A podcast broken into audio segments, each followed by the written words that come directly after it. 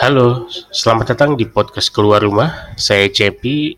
Uh, ini adalah podcast pertama saya yang saya namakan dengan podcast Keluar Rumah. Uh, sebenarnya podcast ini bermula dari website saya atau blog saya yang beralamatkan di vakansi.net. Pada podcast kali ini, yang di mana episode pertama, saya akan membahas tentang pernikahan di Solo, yaitu pengalaman menghadiri undangan di Solo. Pada pertengahan tahun 2019 lalu, saya, istri dan anak menghadiri undangan pernikahan sahabatnya istri ke Solo, Jawa Tengah. Solo merupakan tujuan yang belum pernah kami kunjungi, sehingga kami sekaligus bervakansi singkat ke sana, menghirup suasana baru setelah saya ada tugas kantor keluar kota pada empat hari sebelumnya. Kereta yang kami tumpangi berangkat pukul 11.30 dari stasiun Senen dan tiba di Solo sekitar pukul 9 malam. Esok paginya, dari hotel kami sudah bersiap-siap berangkat ke acara resepsi yang dijadwalkan dimulai pukul 9. Sekitar pukul 8 lewat, kami pergi ke sana.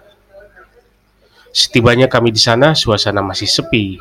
Para undangan tampaknya belum banyak yang datang saat itu. Kami berfoto-foto dulu di beberapa spot yang menurut kami unik, eh, khas ala pernikahan adat Jawa, yang sebenarnya uh, sudah sering kami temui, tetapi karena ini adalah Solo, saya melihat ada keunikan yang belum pernah saya temui. Setelah mengamati satu persatu undangan sudah menghampiri meja tamu untuk mengisi buku tamu, barulah kami ikut-ikutan ke sana.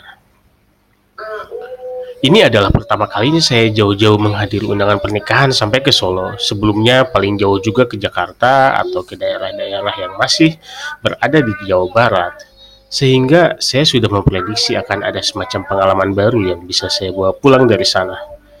Hal baru yang pertama saya temukan dari acara pernikahan orang Solo, yaitu tidak ada prasmanan di sini. Kursi-kursi undangan ditata rapat-rapat, terdiri dari dua sayap yang saling menghadap. Di antara sayap kerumunan kursi tersebut terbentang karpet merah, seperti acara peragaan busana untuk jalur kedua mempelai dan keluarganya berjalan ke pelaminan. Dua tiga saf kursi paling depan diperuntukkan khusus keluarga kedua mempelai, adapun undangan umum ditempatkan di kursi-kursi belakangnya. Pada setiap jarak tertentu ditempatkan meja kecil khusus untuk meletakkan gelas-gelas teh manis. Siapa pun bebas untuk mengambilnya. Jika sudah habis, para pelayan dengan sigap meletakkan gelas-gelas teh manis baru. Kalau kata istri, undangan pernikahan di Solo ini juga sebenarnya menjadi wisata budaya kami karena kami baru pertama kali merasa dimuliakan sebagai tamu.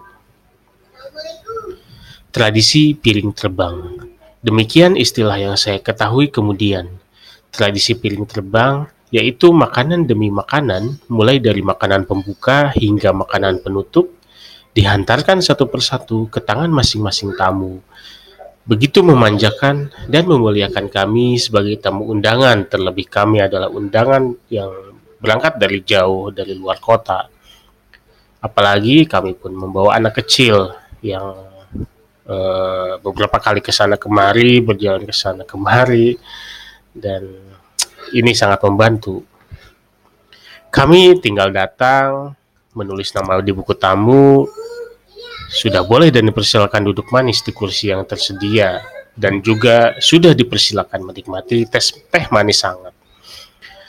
Kontras sekali dengan jamaknya pernikahan di Jabodetabek sekitar sekitar rumah kami yang lebih sering mengusup konsep standing party dengan durasi resepsi hanya dua jam demi efisiensi biaya sewa gedung. Sehingga untuk menghadiri undangan saja kami harus berkompetisi dengan tamu-tamu lain. Dulu-duluan menyerobot antrian lantaran takut kehabisan makanan di gubukan misalnya dimsum, somai, makaroni skotel, sate ayam. Percuma aja, udah banyak-banyak gubukan kalau kami tidak kebagian. Orang-orang kota mungkin dalam kesehariannya seolah disengaja untuk bersaing sikut-sikutan hingga harus melahirkan pemenang dan pecundang di akhirnya. Bahkan di pesta pernikahan orang, hidupnya seolah-olah tidak mau terjatuh dalam kerugian. Karena ayah mempelai laki-laki ini berasal dari Batak. Di penghujung acara resepsi terdapat acara menari bersama. Sepertinya lumayan lama mereka menari bersama, sekitar 15 menit mungkin. Mulai dari tarian tortor hingga tarian maumere yang menghadirkan kemeriahan di akhir acara resepsi. Perihal seluk-beluk pernikahan di Solo dan perbedaannya dengan tata cara resepsi pernikahan di sekitar kediaman kami yaitu Jabodetabek beberapa tahun silam ternyata pernah diulas oleh teman saya yang memang asli kelahiran Solo. Dan baru tahun kemarin, 2019, saya melihat sekaligus membuktikannya secara langsung. Saya sadari betul perbedaan kultur dan budaya itu begitu indah sekaligus menimbulkan kesan abadi sampai hari ini. Demikian podcast Keluar Rumah episode pertama kali ini. Saya Cepi dari podcast Keluar Rumah.